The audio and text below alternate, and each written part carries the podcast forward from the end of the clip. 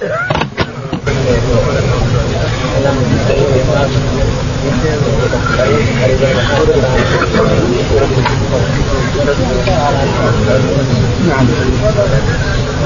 الله الرحمن الرحيم الحمد لله والصلاة والسلام على رسول الله قال الإمام الحافظ أبو عبد الله محمد بن إسماعيل البخاري في صحيح كتاب النكاح باب الأكفاء في الدين وقوله تعالى هو الذي خلق من الماء بشرا فجعله نسبا نسبا وصهرا وكان ربك قديرا.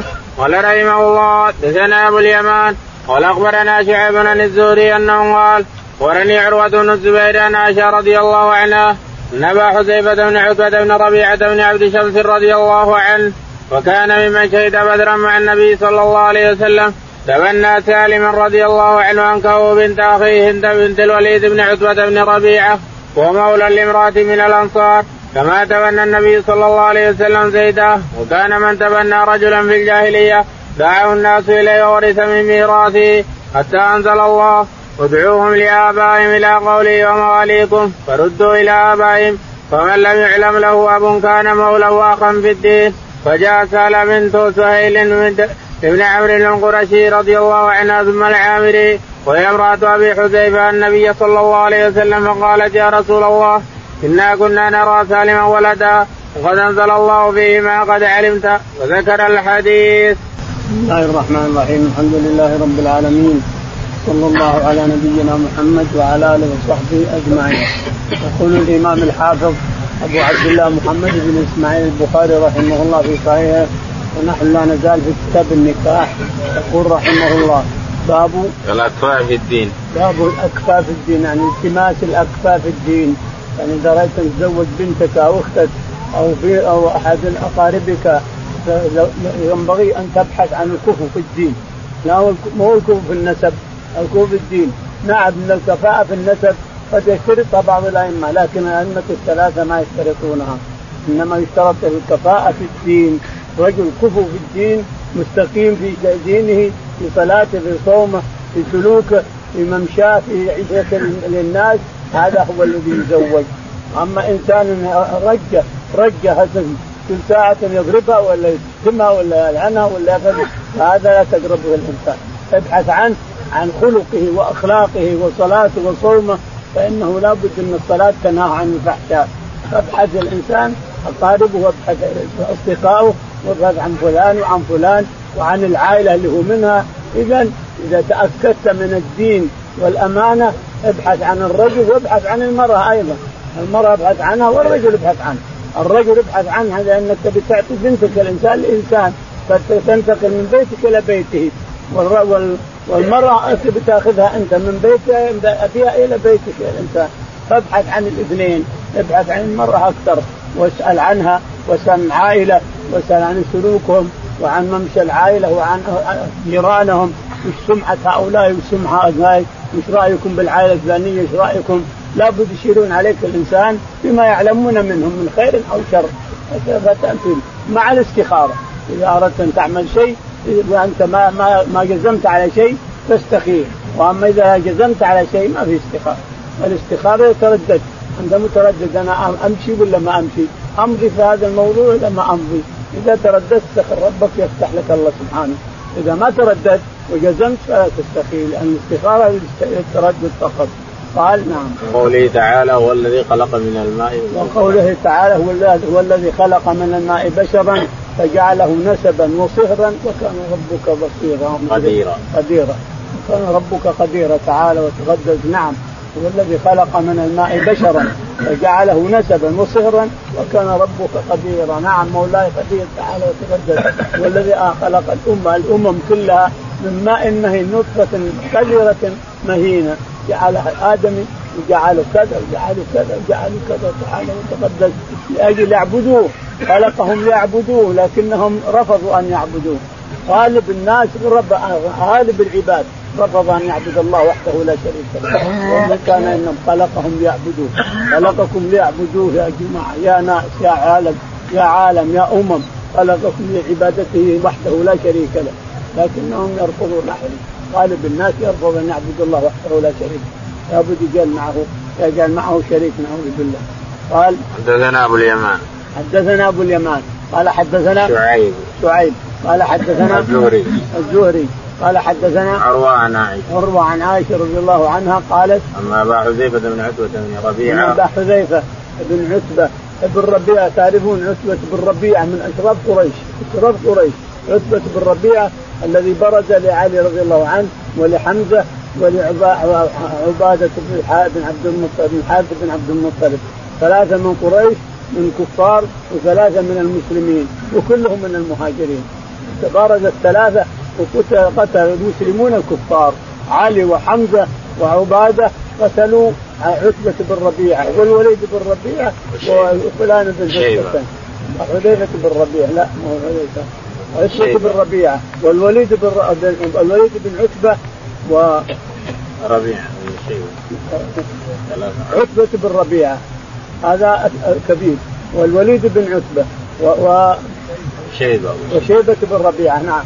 هذول برزوا لعلي وحمزة وعبادة فقتل قتلوا الكفار الثلاثة قتل وهذا الذي ورد فيه في سورة الحج هذان خصمان اختصموا في ربهم أول ما يتخاصم الأمم الثلاثة والثلاثة هذول المسلمين وهذول الكفار فقاتلت بما قتلت ليه؟ فقاتلت لإيه؟ ليش قتلت؟ أنتم تعبدون وأنتم مش تعبدون فقتلت لماذا؟ هذا يحكم بين الثلاثة الستة أول ما يحكم بين الستة الثلاثة والثلاثة. الشاهد أنه أن عتبة بن أبو أبو حذيفة بن عتبة بن ربيعة. عنده سالم رضي الله تعالى عنه. عنده سهلة بن سهيل بن عمرو رضي الله عنه. اللي اللي تبايع مع الرسول اتفق مع الرسول في البنود بنود الصلح. سهيل بن عمرو الذي انتدبه قريش كلهم لأنه أعقلهم واقلهم الشاهد أن سهيل بن عمرو ابنته سهلة من سهيل بن عمرو تحت ابي حذيفة بن يمان وقد تبنى أبو حذيفة سالم رضي الله عنه وأرضاه وهو مولى لاحدى لأحد الأنصار. مولى لأحد الأنصار. لامرأة من الأنصار. مولى لامرأة من الأنصار. الشاهد أنه تبناه يعني جعله ابن له. وهكذا الكفار أيام الكفر وأيام الإسلام وبالمدينة يتبنى الإنسان يأخذ هذا الرجل يعجبه هذا الرجل أو هذا الغلام ويأخذ يتبنى يقول فلان يا جماعة اشهدكم أن فلان هذا ابني يرثني وأرثه. لما نزل قول الله تعالى ادعوهم لآبائهم هو أقسط عند الله. فإن لم تعلموا ابائهم فإخوانكم في الدين ومواليكم. قال كل يدعو الإنسان إلى أبيه. عرفوا أبوه دعوه ثم عرفوه حتى اختار مولانا. فسالم مولى أبي صار اول زيد بن حارثة ويدعى زيد بن محمد. لما نزل قوله ادعوهم لابائهم يدعى زيد بن حارثة بن الكلبي زيد بن حارثة مولى الرسول عليه الصلاة والسلام. الشاهد إن سالم كبر شوية وبلغ 15 سنة. جاءت سهلة إلى الرسول عليه الصلاة والسلام قالت يا رسول الله إن سالم مولى أبي حذيفة عندنا تبناه كان عندنا وربيناه تربى عندي. وأجي عنده في ثياب المطبخ وفي ثياب البذله يعني ثياب مهلهله ما هي ثياب ستر. واليوم بلغ مبالغ الرجال. صار ابو 15 سنة وبلغ مبالغ فماذا أصنع يا رسول الله؟ قال أرضعيه تحرمي عليه. وهذه القصة يقال إنها خاصة لسهله ما ما هي لأحد. يعني تجيب امرأة أبو 15 سنة ترضعه تقول هذا ولد ما يمكن. لأنها خاصة لسهله بن سهيل رخصة من الرسول عليه الصلاة والسلام لسهلة رضي الله عنها قال أرضعيه تحرمي عليه فأرضعته من ولد لها صغير أو بنت صارت أمه صارت تطلع عليه مثل ما كانت. راحت المشقة وراحت الجزع اللي كانت تجزع وراح كل شيء صار ولده صار ولدهم. إلى إلى حتى قتل يدعى ولدهم. ان ابا حذيفه تبنى سالمة وأنكحه بنت أخيه وأنكحه بنت أخيه بنت أخيه عتبة. هند بنت الوليد بن عتبة. هند بنت الوليد بن عتبة الوليد بن عتبة. انكحه إياه مع إنه مولى. هذا مولى. يعني غلام لكنه عتيق. اعتقته امرأة من الأنصار. معتق ولكنه يعتبر مولى. وهذه من قريش من أكابر قريش. الوليد بن عتبة من أكابر قريش. معنى هذا إن الكفاءة في النسب ما تشترط. ما هم الكفاءة في النسب ما تشترط. إنما اللي يشترط الكفاءة في الدين. وسالم نعم الرجل. نعم. قال رحمه الله دثنا عبيد بن إسماعيل قال دثنا أبو سامة عن هشام بن النبي عن عائشة رضي الله عنها أنها قالت دخل رسول الله صلى الله عليه وسلم ضباعة بنت الزبير رضي الله عنها فقال لها لعلك اردت الحج قالت والله لا اجدني إلا وجعه فقال لها حجي واشترطي قولي اللهم محلي حيث وبستني وكانت تحت المقداد بن الأسود. يقول البخاري رحمه الله حدثنا عبيد بن إسماعيل. عبيد بن إسماعيل.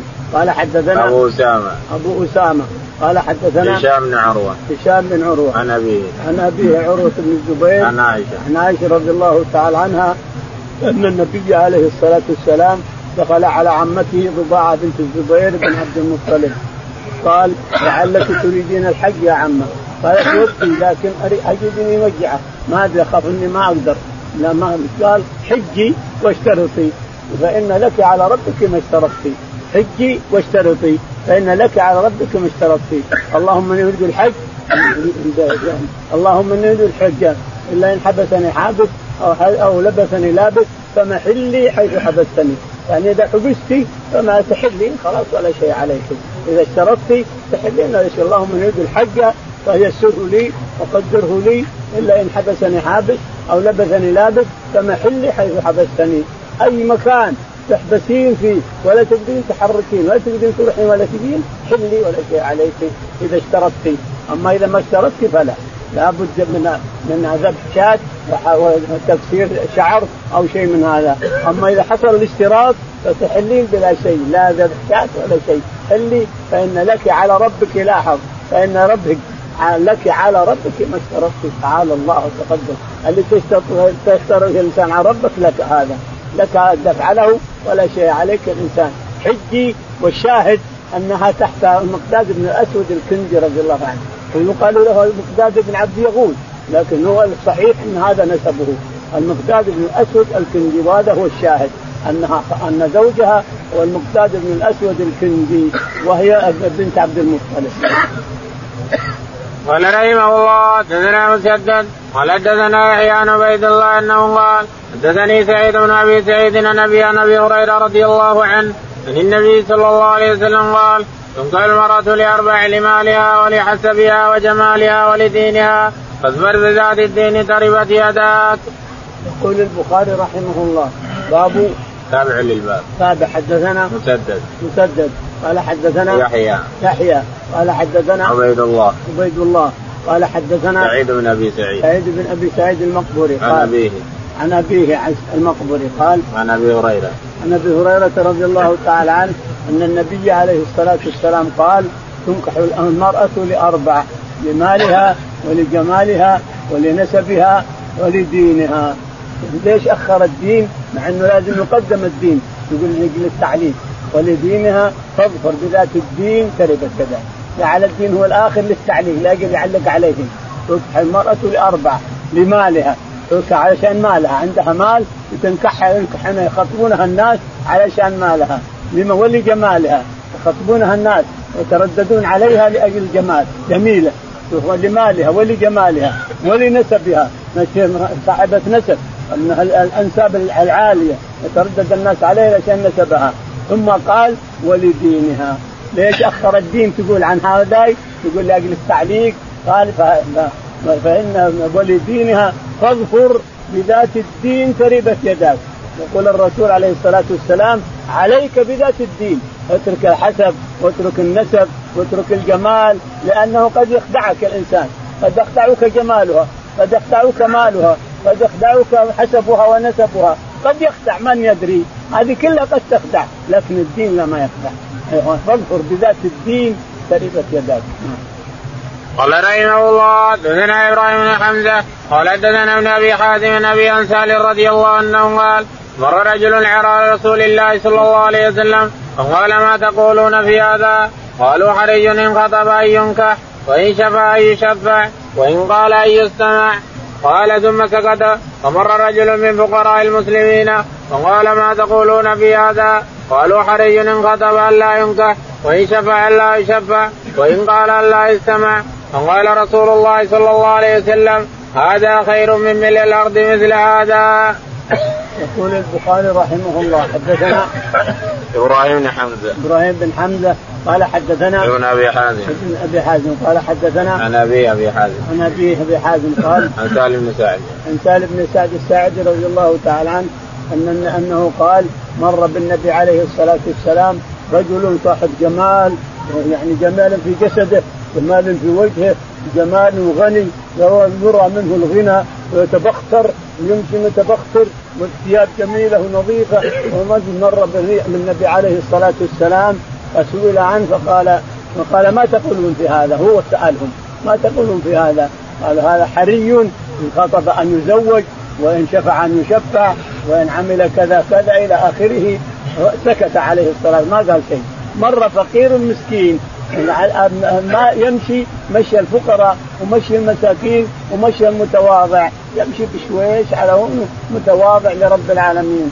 قال ما تقولون في هذا؟ قال هذا حري خطب ما يزوج وإن شفع ما يشفع وإن تكلم ما يسع كلامه. فهذا يسوى ملء الأرض هذا. سبحان إذا ما هو بالمرأة.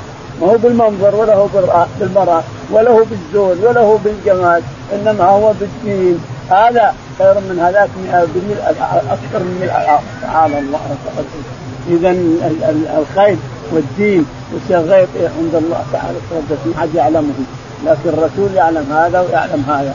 يوحى إليه أن هذا من أهل الشر وهذا من أهل الخير. نعم.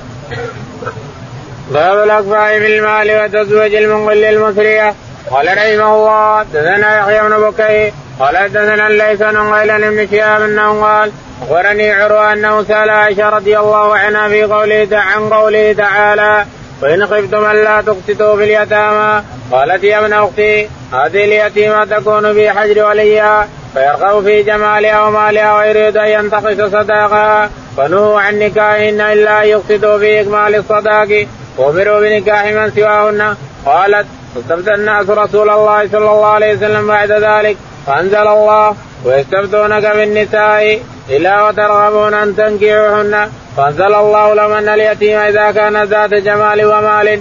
رغبوا في نكاحها ونسبها في إكمال الصداق. وإذا كانت مرغوبة عنها في قلة المال والجمال تركوها وأخذوا غيرها من النساء. قالت فكما يتركونها حين يرغبون عنها فليس لهم أن ينكحوها إذا رغبوا فيها إلا أن يقسطوا لها ويعطوها حقها له في الصداق. يقول البخاري رحمه الله باب قول الله تعالى الاكفاء في المال وتزويج باب الأكفاء في المال وتزويج المقل. يجوز أن تزوج الفقير الإنسان وقد تكون الزوجة بركة لك يا الإنسان. قد تنتقل من بيت إلى من بيت أبيها إلى بيتك الإنسان ويمتلي بيتك خير الإنسان. ويمتلي خير ويمتلي بركة. لانها اليمن في ثلاث. إن يكون اليمن كما سيأتينا الليلة اليمن في ثلاث. في المرأة والدار والفرج. اليمن في المرأة والدار والفرج. فالمرأة إذا تزوجتها الانسان تكون ميمونة يمتلي بيتك خير وبركة ونور. وإذا كانت مشؤومة نعوذ بالله فبالعكس نعوذ بالله نعوذ كذلك الفرج إذا اشتريتها. كذلك الدار إذا اشتريتها أيضا. أما تصير مشؤومة أو تصير ميمونة. فأما أن تكون الدار ميمونة تصير بركة عليك أو تكون مشؤومه كذلك الفرج كذلك المرأة. إن يكون اليمن ففي ثلاثة المرأة والدار والفرج نعم. قال حدثنا يحيى بن بكير. يقول البخاري حدثنا يحيى بن بكير قال حدثنا الليث. الليث بن سعد قال حدثنا عقيل عن ابن شهاب. عقيل عن ابن شهاب. عن عروة عن عائشة. عن عروة عن عائشة رضي الله تعالى عنها قالت أنه سأل عائشة عن قوله تعالى وإن خفتم ألا تسقطوا في اليتامى. يقول عروة إنه سأل عن عائشة عن قوله تعالى يستفتونك في النساء قل قل الله يفتيكم فيهن. قالت يا ابن أختي هذه هذه الآية الآية نزلت في رجل عنده بنت أخيه عنده بنت أخيه يريد أو بنت عمه. وهي صاحبة مال وجمال. يريد أن تزوجها ولكن بينقص من صداقها فنهى الله تعالى وتقدس المسلمين أن ينقصوا من صداقها يريد أن تزوجها لجمالها ومالها كمل لها صداقها. وإلا لا تزوج كما أنك إذا كانت فقيرة وليست جميلة ما تنكحها. كذلك ما تنكح الغني الجميلة ولا الغنية كما أنك ما تنكح الفقيرة. عندك بنت عمك فقيرة وليست جميلة بعد تقول لا ما أبغى هذه. أنا بدور أحسن من هذه. ما دام أنك ما تبغى هذه هذه أيضا ما لك أن تتزوجها حتى تكمل لها صداقها. تعطيها صداق نسائها نسائها أمها جدتها أختها خالتها كم صداقها؟ خمسة آلاف عشرة آلاف تعطيها مثلهم. تعطيها الخمسة أو تعطيها العشرة. صداق نساءها تعطيها إياها. ما تنقص ولا قرش فإن أردت أن تنقص تزوجها وتنقص من صداقة ما يحل لك أن ما يجوز تزوجها الإنسان. إذا صرت ولي أمرها. يعني أنت ابن عمها. وتبي تزوجها ولكنك تنقص من صداقها مع إنها جميلة وصاحبه مال. مال وجمال حاصل. وتبي تنقص ما يمكن هذا. ما تزوجها. كما أنها لو كانت فقيرة. ابنة عمك وفقيرة تقول لا ما أتزوجها. لا مال ولا جمال ما شبيبه حتى لو هي بنت عمي. أروح أدور النساء. نقول لك أيضا دور النساء عن مثل هذا. هذه يمكن تنكحها كما أن هذه تنكحها. إلى آخره. باب ما يتقى من شؤم المرأة وقوله تعالى إن من أزواجكم وأولادكم عدوا لكم. قال رحمه الله حدثنا إسماعيل قال حدثني مالك بن شهاب عن حمزة وسالم بن عبد الله بن عمر عن عبد الله بن عمر رضي الله عنهما أن رسول الله صلى الله عليه وسلم قال الشؤم في المرأة والدار والفرس.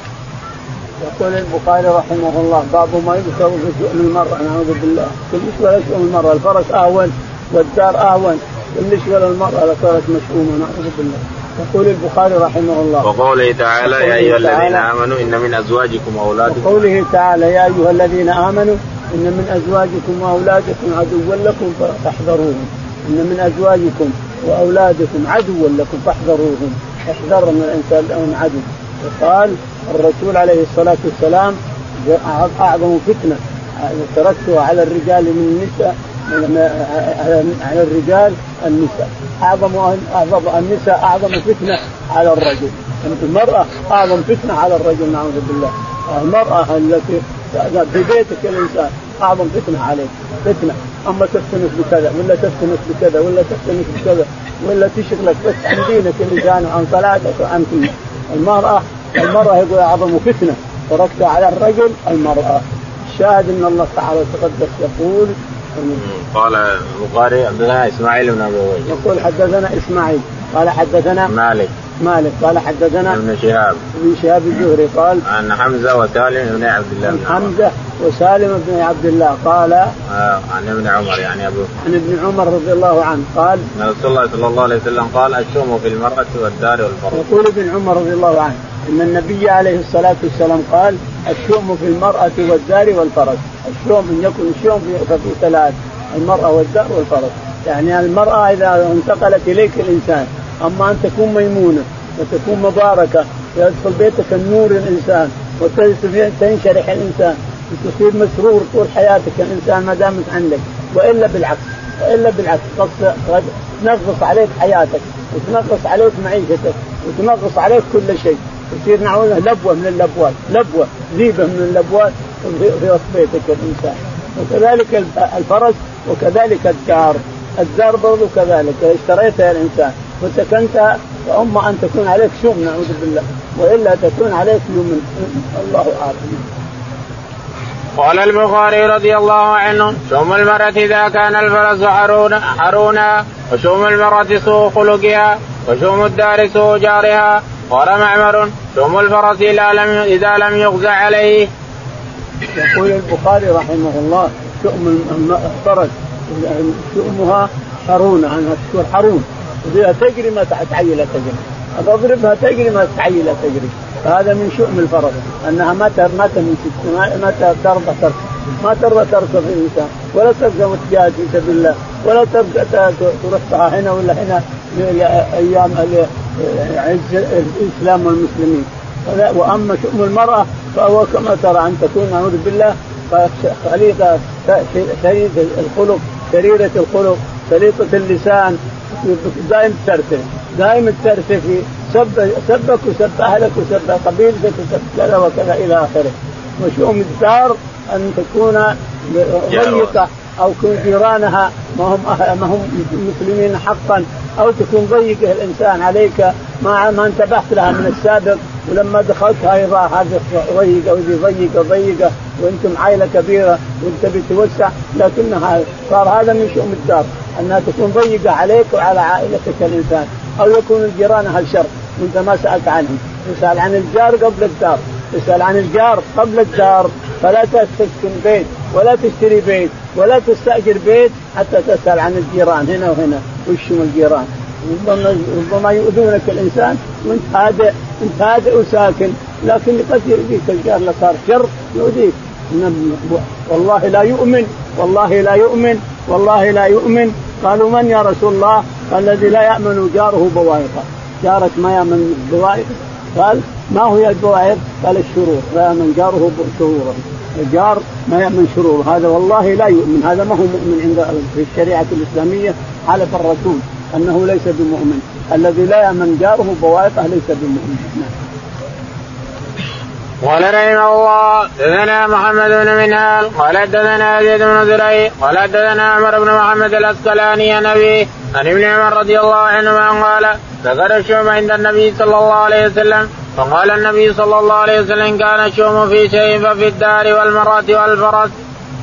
يقول البخاري رحمه الله حدثنا محمد بن منهال. محمد بن منهال قال حدثنا يزيد بن زريع. يزيد بن زريع قال حدثنا عمر بن محمد. عمر بن محمد عن أبيه. عن أبيه محمد عن, قال عن ابن عمر. عن ابن عمر رضي الله عنهما أن النبي عليه الصلاة والسلام ذكر عنده الدار والمرأة والشوم ومشوم قال الرسول عليه الصلاة والسلام إن يكن الشؤم إن يكن الشؤم ففي ثلاث في المرأة والدار والفرس في المرأة والدار والفرس الشوم إن يكن هناك شوم وهناك خبز ففي الدار والمرأة والفرس واحدة من هذول قال رحمه الله حدثنا عبد الله بن يوسف قال أخبرنا مالك عن أبي حازم عن سالم بن سعد رضي الله عنه أن رسول الله صلى الله عليه وسلم قال إن كان في شيء ففي الفرس والمرأة والمسكن. يقول البخاري رحمه الله حدثنا عبد الله بن يوسف. عبد الله بن يوسف قال عن مالك. عن مالك بن أنس قال عن أبي حازم عن سالم عن أبي حازم عن سالم بن سعد الساعدي رضي الله عنه أن النبي عليه الصلاة والسلام قال إن كان الشؤم في شيء ففي ثلاث المرأة والدار والفرس. قال رحمه الله حدثنا آدم قال حدثنا شعبان سليمان التيمي وأنه قال سمعت أبا عثمان النادي عن أسامة بن زيد رضي الله عنهما عن النبي صلى الله عليه وسلم قال ما تركت بعدي فتنة أضر على الرجال من النساء. يقول البخاري رحمه الله حدثنا آدم. آدم.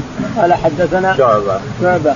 قال حدثنا سليمان التيمي. سليمان التيمي قال عن أبي عثمان النهدي عن أبي عثمان النهدي قال عن أسامة بن زيد. عن أسامة بن زيد رضي الله عنه أن النبي عليه الصلاة والسلام قال ما تركت فتنة أضر على الرجال من النساء. ما ترك الرسول فتنة اعوذ بالله فتنة. ما ترك فتنة كل الفتن تهون عند ضرر النساء. ما تركت فتنة أضر على الرجال من النساء. لا حول إي والله فتنة نعم.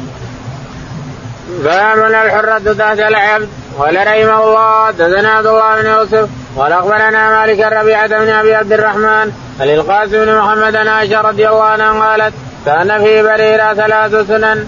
اعتقت فخيرت. وقال رسول الله صلى الله عليه وسلم الولاء لمن اعتق فدخل رسول الله صلى الله عليه وسلم وبرمة على الناس. فقرب إليه خبز وادم من آدم البيت. فقال لم أرى البرمة فقيل لحم تصدق على بريرة. وأنت لا تأكل الصدقة. قال هو عليها صدقة ولنا هدية. يقول البخاري رحمه الله باب الحرة تحت العبد. باب الحرة تعتق تحت العبد. باب الحرة تعتق تحت العبد. يقول حدثنا عبد الله بن يوسف. عبد الله بن يوسف. قال حدثنا مالك. مالك. قال حدثنا ربيعة بن أبي عبد الرحمن. ربيعة بن أبي عبد الرحمن. قال حدثنا القاسم بن محمد. القاسم بن محمد. عن عائشة. عن عائشة رضي الله تعالى عنها قالت كان في بريرة كان ثلاث في بريرة ثلاث ثلاثة أحكام. ثلاثة أحكام. واحدة منها أن أنها لما عتقت جاءت إلى اشترتها عائشة واعتقتها تصدق عليها بلحم. فجاءوا يطبخون اللحم. وجاء الرسول عليه الصلاة والسلام يريد الأكل. جاء يبي أكل قدموا له من عيش البيت من خبز ومن جبن ومن أشياء من حق البيت. فقال ما القدر يطبخ. القدر. البرمة تطبخ. قالوا هذا لحم صدق به على بريرة. قال هو عليها صدقة ونحن علينا هدية. هي جاريتنا مملوكتنا. نحن علينا هدية منها وهي عليها صدقة. فأكل منها عليه. هذه واحدة. الثانية أنها عتقت تحت هذا فاختارت نفسها فتحررت خلاص. تحررت اختارت نفسها فتحررت من من من زوجها اللي كان يتبعها. مغيث. مغيث. مغيث. اسمه مغيث يتبعه ويبكي في الشوارع. وجاء شفع بالرسول عليه الصلاة والسلام. وجاء الرسول لها قال أنا أشفع يا بريرة ارجعي له. قالت أنت تشفع شفاعة ولا تأمرني أمر؟ كانوا أمر سمع وطاعة. كانوا شفاعة ما أقبل شفاعته. قال لا والله شفاعة. قال لا ما ما أقبل يا رسول الله شفاعتك ما أكره. أنا أكره اكره من من دم سنون يا دم سنون أكره. أكره. الحمد لله الذي خلصت منه فصارت عند عائشة رضي الله عنها اعتقدتها عائشة لأن اشترتها. كاتبت نفسها وسلمت الكتابه كلها بكاملها واعتقدتها. وأرسلت الانصار رضي الله عنهم قالت أنا بعطيكم قالوا لا حتى يصير الولى لنا. فاستشارت الرسول عليه الصلاة والسلام يا رسول الله ما بريرة بشتريها أنا لكن اشترطوا ولاءها قال اشتريها. واعتقيها والولاء لمن أعتق ما هو لهم. انت انت سلمت الفلوس. الولاء لمن أعتق أعتقتيها الولاء لمن أعتق. فاشترتها اشترطت لهم. ولا ما رضيوا؟ اشترطت لهم أنها أن الولاء لهم.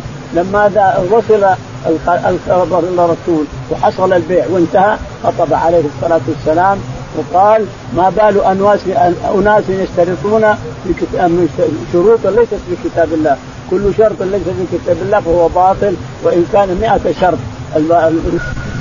باب لا يتزوج أكثر من أربع. قوله تعالى مثنى وثلاث ورباع وقال علي بن الحسين رضي الله عنهما يعني مثنى وثلاث ورباع وقوله عز وجل ولي أجنحة مثنى وثلاث ورباع. يعني مثنى وثلاث ورباع. يقول البخاري رحمه الله باب قول الله تعالى باب لا يتزوج أكثر باب من لا يتزوج أكثر من أربع. لا يتزوج المسلم أكثر من أربع هذا الذي فرض الله تعالى تقدس في كتابه. مثنى وثلاث ورباع. لقوله تعالى مثنى وثلاث لقوله تعالى مثنى وثلاث ورباع. مثنى يعني ثنتين. ثلاث يعني ثلاث. يعني حط واحدة على اثنتين كم يصيرون ثلاث. ورباع حط واحدة على ثلاث يصيرون كم؟ أربع. ابن حزم يقول لا مثنى اثنتين. وثلاثة مع الثنتين يصيرون خمس. وأربع مع الخمس تسع. تزوج تسع ما يخالف هذا ابن حزم وهو الظاهري علي بن داود. علي أبو داود علي. يقولون التسع. لأن المثنى معناه أنك اثنين. وثلاث حط ثلاث على اثنتين يصيرون خمس وأربع حطها على خمس يصيرون تسع فلك أن تتزوج تسع. لكن هذا خلاف الشريعة خلاف أمة محمد بكاملها خلاف أمة محمد. إنما هذا ظاهري وهذا ظاهري يعني يحكم بالظاهر. الظاهر حتى مثنى عند العرب مثنى هي اثنين. وثلاثة يعني تحط عليها واحدة تصير ثلاث ورباع تحط واحدة تصير أربع حتى عند العرب هذا لغة العرب لكن هم لا يتصرفون في الكلام كما يشاءون. نعم. قال علي بن حسين يعني مثنى أو ثلاث أو رباع الواو يقول علي بن حسين رضي الله عنه يعني مثنى أو ثلاث أو ثلاث يعني أو رباع يعني أربع. قوله تعالى أولي أجنحة مثنى وثلاث ورباع يعني مثنى قوله تعالى في القرآن في الملائكة أولي أجنحة مثنى وثلاث ورباع يعني من ثلاثة جنحان له أربعة جنحان. قال رحمه الله دثنا محمد قال أخبرنا عبدان هشام نبي عن عائشة رضي الله عنها في قوله تعالى فان خفت الا تقسطوا في اليتامى قال اليتيم أن تكون عند الرجل ووليها فيتزوجها على مالها ويسيء صحبتها ولا يعدل في مالها فليتزوج ما طاب له من النساء سواها مثنى وثلاث ورباع. يقول البخاري رحمه الله حدثنا محمد. محمد قال حدثنا عبده عبده قال حدثنا هشام بن عروة. هشام بن عروة عن أبيه. عن أبيه عن عائشة. عن عائشة رضي الله تعالى عنها في قوله تعالى وإن خفتم ألا تقسطوا إن خفتم ألا تقسطوا في اليتامى فانكحوا ما طاب لكم من النساء مثنى وثلاثه ورباع.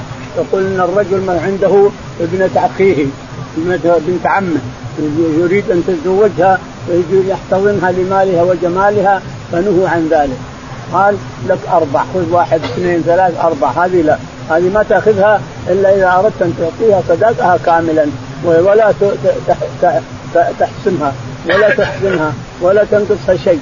لا تنقص من صداقها شيء ولا ولا بعد تغضب عليها ولا شيء. حتى لو انت ولد أمرها وابن عمها لابد أن تعطيها ما تستحقه من صداق.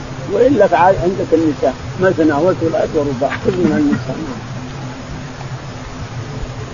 باب وامهات نساءكم اللاتي ارضعنكم وقوله ويحرم من الرضاع ما يحرم من النسب.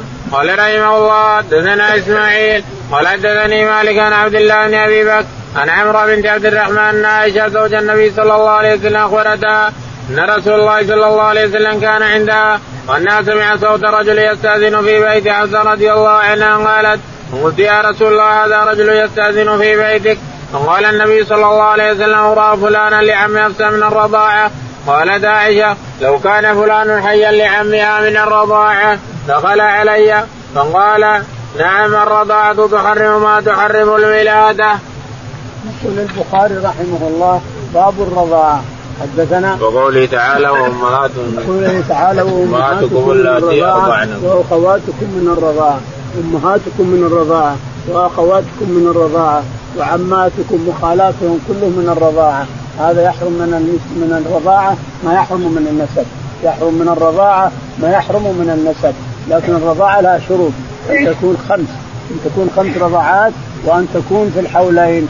شروطها أن يرضع الطفل خمس رضعات يمص ثم يوخر ثم يمص ثم يوخر ثم يمص خمس مرات. أو أنه يجي اليوم ويرضع. ثم يجي بكرة ويرضع. ثم يجي خمسة أيام. أو المهم أنه لازم خمس رضعات وأن تكون الرضعات هذه في في الحولين. يعني في حدود السنتين قبل أن يبلغ السنتين. فإن تعدى السنتين ما حرم شيء. صار ما هناك ما هناك رضاع بينهم. إذا رضع بعد السنتين وقد انتهت السنتين ما فيه رضاع خلاص. ولا يحرم الرضاع عليه. يصير ما ما ما يأخي الرضاع. لازم أن يكون في السنتين وأن يكون خمس رضعات. هذا المذهب المذهب عندنا لهذا الحديث. مذهب عند الشافعي رحمه الله واحمد بن حنبل. أما أبو حنيفة فعنده رضعه واحدة تكفي وعنده كذا ومالك أيضا عنده تفريط لكن الحديث عندنا في البخاري يكفي انما الرضاعه مثل الولادة. الرضاعه يحرم ما تحرم الولادة لكن بشروط. اول يكون في السنتين والثاني أن يكون خمس رضعات نعم. قال حدثنا إسماعيل. يقول حدثنا إسماعيل. قال حدثنا مالك. مالك. قال حدثنا عبد الله بن أبي بكر. عبد الله بن أبي بكر قال عن عمرو عن عائشة. عن عمرو عن عائشة رضي الله تعالى عنها قال أن رسول الله صلى الله عليه وسلم كان عندها وانها سمعت صوت رجل يستاذن في يقول إن الرسول عليه الصلاة والسلام كان عندها في بيتها وسمع صوت رجل في بيت حفصة. فقالت لعله فقال من في بيتك يا رسول الله رجل؟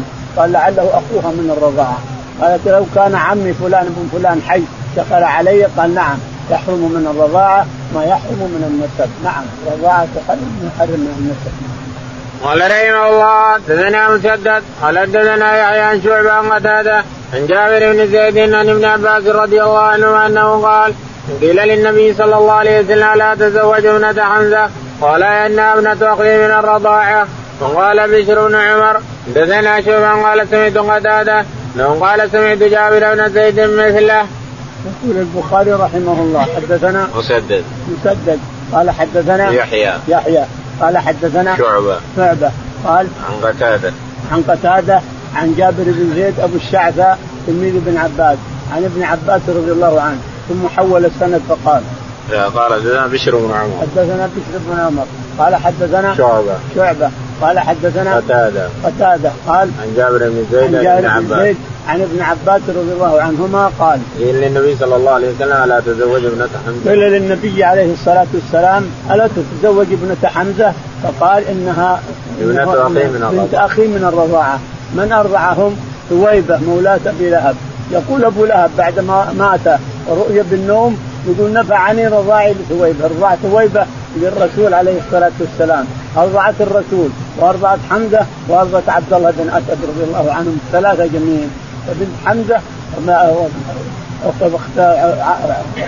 بنت أخيه من الرضاعة وبنت أبي سلمة بنت أخيه من الرضاعة.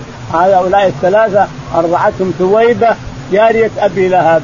فرؤي في النوم فقال له إن الله نفعني يعني بإرضاع ثويبة للرسول عليه الصلاة والسلام. يقول عطوه إصبع بعض أصابعه يمصه يصير بارد عنه مع إنه في جهنم هو ما ينفع شيء. لكن أعطوها الأصبع يمصه لأنه جاريته ارضعت الرسول عليه الصلاه نعم.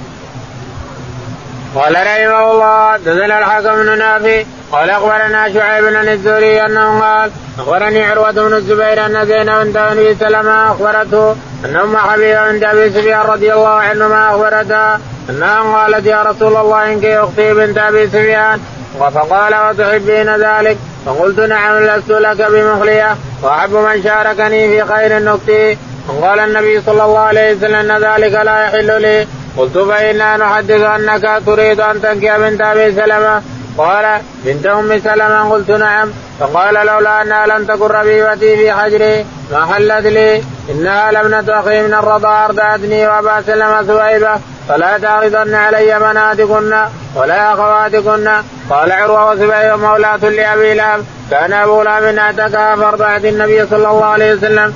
فلما مات أبو لهب نريه بعض أهله بشر بشهر حيبة قال له ما ماذا لقيت؟ قال أبو لهب لم ألق بعدكم غير أني سقيت في هذه بعتاقتي ثويبه. يقول البخاري رحمه الله حدثنا الحكم بن نافع. الحكم بن نافع قال حدثنا شعيب. شعيب قال حدثنا الزهري. الزهري قال حدثنا عروة. عروة قال عن زينب بنت أبي سلمة. عن زينب بنت أبي سلمة قالت عن أم حبيبة. عن أم حبيبة رضي الله تعالى عنها قالت آه، قالت يا قالت أم حبيبة يا رسول الله انكح أختي أم حبيبة رضي الله تعالى عنها بنت أبي سفيان عرضت على الرسول عليه الصلاة والسلام أختها بنت أبي سفيان. قالت يا رسول الله أختي أعرض عليك أختي تتزوجها قال تحبين ذلك؟ قالت نعم يا رسول الله. خير من شاركني في في خير أختي. أحب من شاركني في خير أختي. وأنت ودي انها أنك تتزوجها. قال لا لا لا إحنا نحدث. أو نتحدث لست لك بمخلية. لست لك بمخلية. ونتحدث أنك تتزوج بنت أبي سلمة. قال بنت أم سلمة؟ قال نعم. قال بنت أم سلمة تحرم معي لو لم لم تكن ربيبتي. امها أمها تحتي ما يجوز تنكح ربيبتك يا الإنسان. الربيبة حرام على الإنسان. أنت نكحت نكحت المرأة هذه ربيبتها حرام. يعني بنتها حرام عليك لأنها ربيبة لك. لو لم تكن ربيبتي حرمت علي لأنها اخ بنت أخي من الرضاعة. عبد الله بن أسد أخي الرسول عليه الصلاة والسلام من الرضاعة. أرضعتنا ثويبه أنا وحمزة وعبد الله بن أسد ثلاثة. أرضعتنا فنحن إخوة من الرضاعة ثلاثة فلا تعرضن علينا بناتكن ولا أخواتكن نعم. قال عروة زين مولاة لأبي لهب قال عروة هي مولاة لأبي لهب الذي هي ارضعت الرسول عليه الصلاة والسلام ثويبه ارضعت الرسول فرؤي في النوم فقال بشر خلق فرآه بشر خلق نعوذ بالله وبشر مكان في جهنم إلا إنه أرضع من إصبع بأصبعه أحد أصابعه رضع منه ماء باردا عليه لأنه أرضع اعتق ثويبة التي أرضعت الرسول عليه الصلاة والسلام. باب قال لا رضاع بعد حولين لقوله تعالى حولين كاملين لمن أراد أن يتم الرضاعه وما يحرم من قليل الرضاع وكثيره قال حدثنا أبو الوليد قال حدثنا شعبان شاذ به عن مسروق عن عائشة رضي الله عنها أن النبي صلى الله عليه وسلم دخل عليه عندها رجل فكأنه تغير وجهه كأنه كره ذلك قالت إنه أخي فقال انظرن من إخوانكن فانما الرضاعه من المجاعة. يقول البخاري رحمه الله باب من قال لا رضاعة بعد حولين. باب من قال لا رضاعة بعد السنتين بعد الحولين لأن الله يقول حولين كاملين كاملين لمن أراد أن يتم الرضاعة يعني ما يجوز للمرأة أن تقطع ولدها بعد قبل الحولين ما دام ما تم الحولين فهو حق من حقوق الطفل أن يرضع أمه. لا لا تكتمه إذا حتى يتم الحولين. إذا تم الحولين فهم. لكن الرضاعة بعد الحولين لا تحرم. الرضاعة بعد الحولين ما تحرم. والرضاعة التي أقل من الخمس ما تحرم أيضا إلى آخره. يقول البخاري رحمه الله حدثنا أبو الوليد. أبو الوليد. قال حدثنا شعبة. شعبة. قال حدثنا الأشعث. الأشعث. عن أبيه. عن أبيه. قال عن مسروق. عن مسروق بن الأجدع عن عائشة رضي الله تعالى عنها قال النبي صلى الله عليه وسلم دخل عليها وعندها رجل. أن النبي عليه الصلاة والسلام دخل على عائشة وعندها رجل فتغير وجهه وتغير فقالت يا يا يا رسول الله هو أخي من الرضاعة. قال انظرنا من من يحرم من الرضاعة.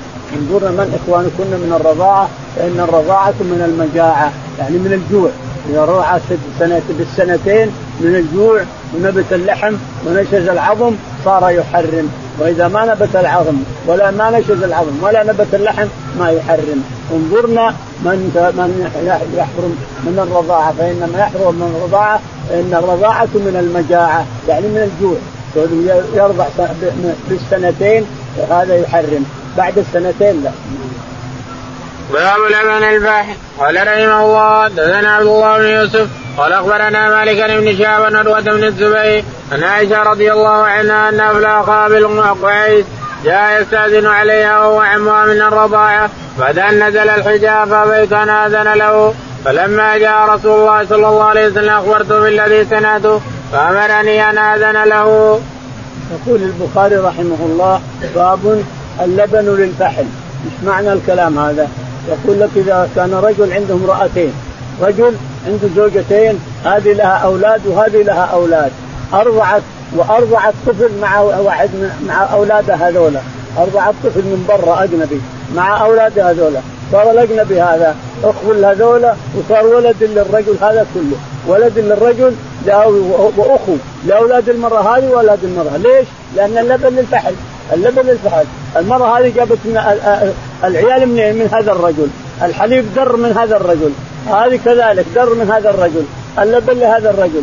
فمن أرضعت منهن هذه المراه أو هذه المراه أرضعت أجنبي صار أخو لهذولا وهذولا وصار الراجل هذا ابو له هذا عند الإمام الشافعي واحمد أبو حنيفة يقول له.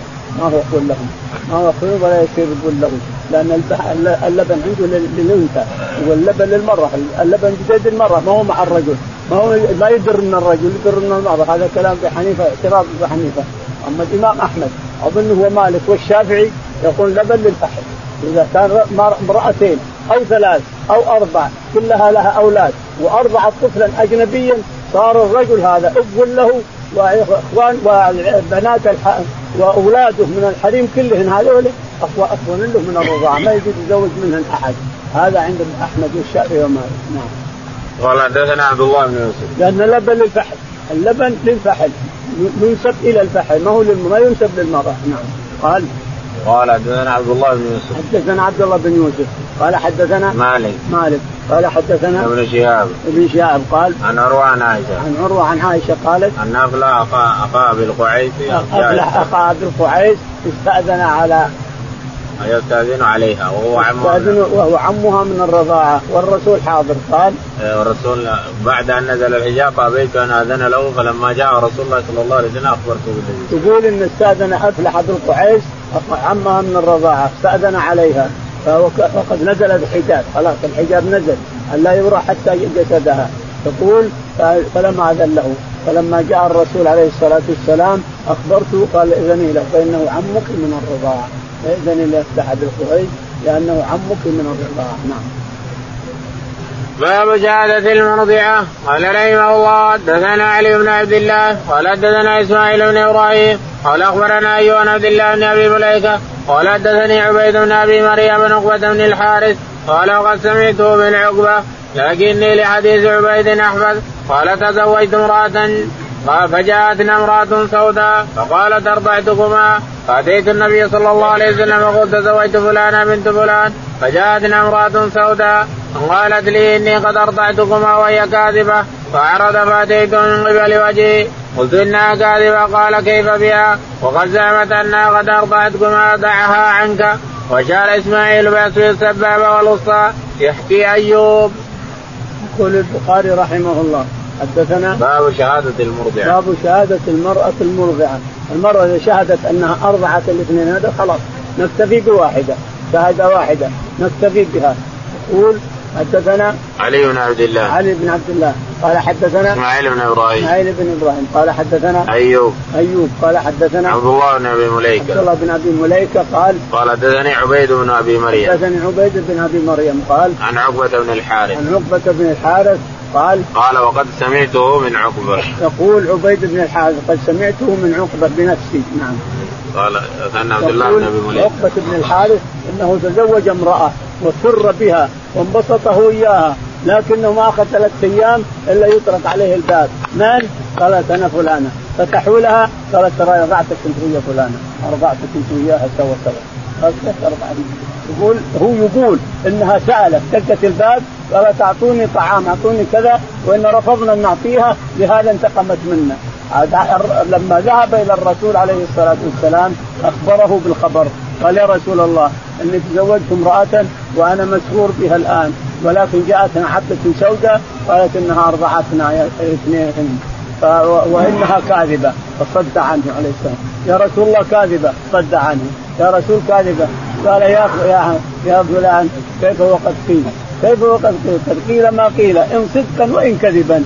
فما اعتذارك من قول إذا قيل. كيف وقد قيل إنها ارضعتكم كيف وقد قالت إنها ارضعتكم دعها فطلقها طلقها. اللهم اهدنا فيمن هديت وعافنا فيمن عافيت وتولنا فيمن توليت.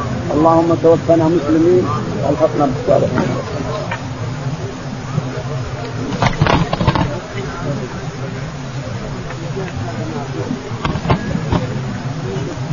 جيب لي كتاب اللي لقيت لي كتاب اللي لقيت باكستاني ما أبغى إلا باكستاني.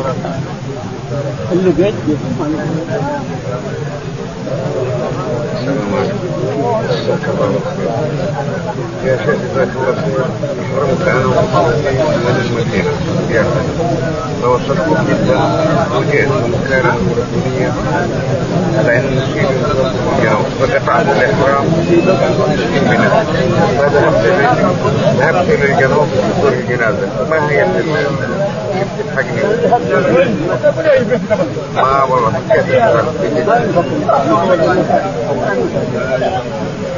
الموضوع ذاك بالثلاثة ذاك إلى الان إلى الان يومك هذا جيت المرة دي بعمرة ما تنفع. ما تنفع الأول انت فيها خلاص سنه في عمرة. عمرة. ولا يمكن ولا ما لها إلا لا ما الا أروح أحرم ثاني مرة و... ولا تحرق في البيت أيوه. يطلع ثيابك أيوه ويفتح الامام قدامك يبطل العمرة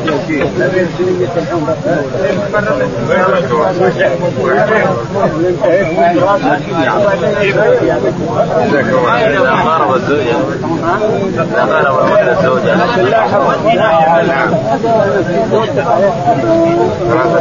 غرب الزوجة نعم أو بس على هذا اللي خلاني اسال هذه كلها دين.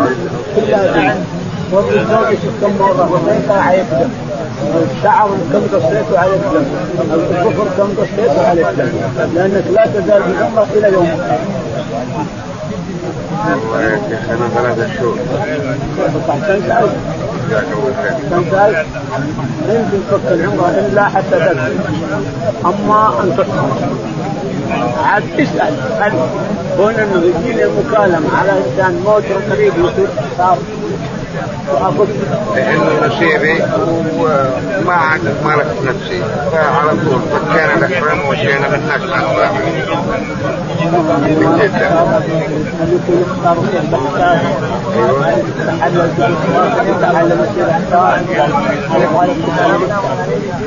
أسأل مين؟ أيوه. نعم.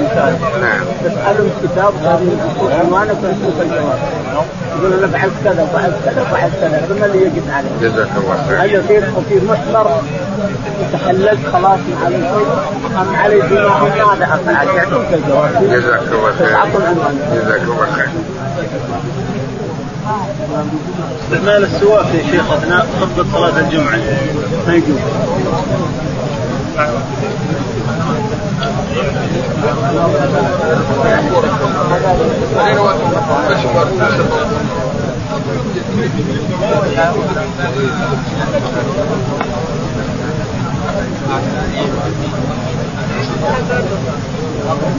kula ta ji ganin zuwa yana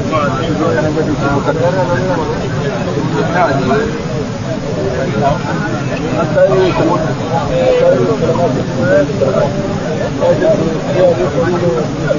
حتى يوصل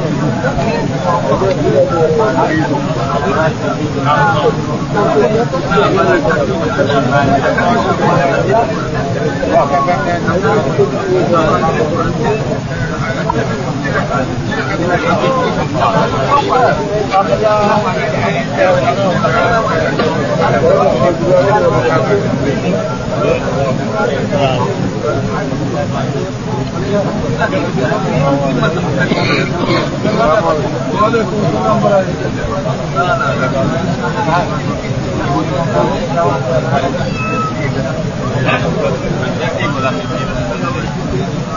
kan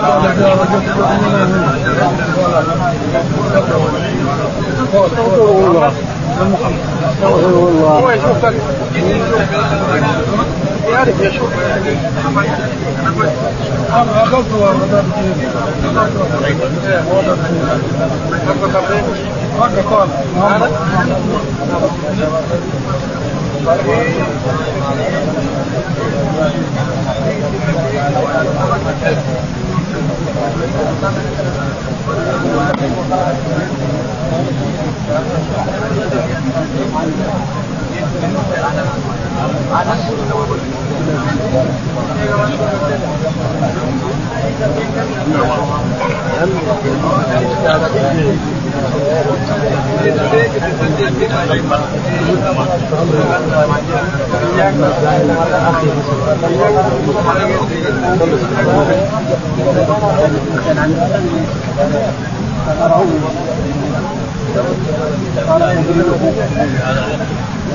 قيل والشر وقبله قد نور وقد ولا نور قيل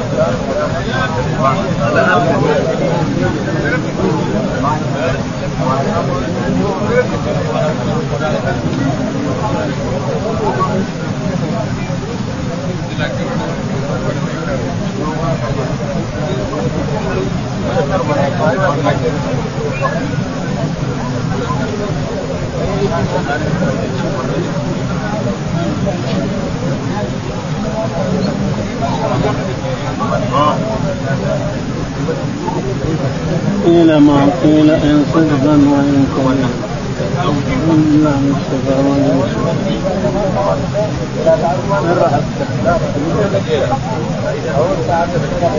الحمد لله رب العالمين الرحمن الرحيم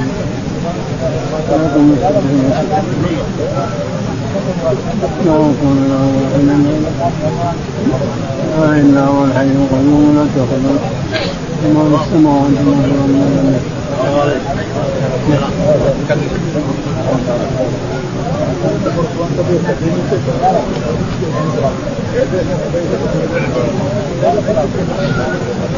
السلام عليكم كيف حالكم؟ كيف؟ كيف الحال؟ كويس؟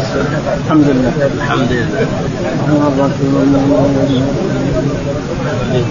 الله رسول الله لا يكلف الله نفسا إلا وسعها. وافقنا ان فينا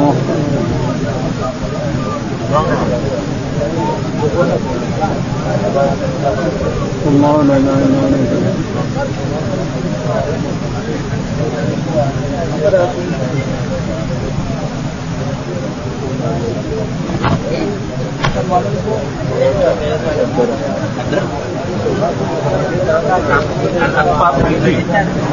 بداية الدرس الأخطاء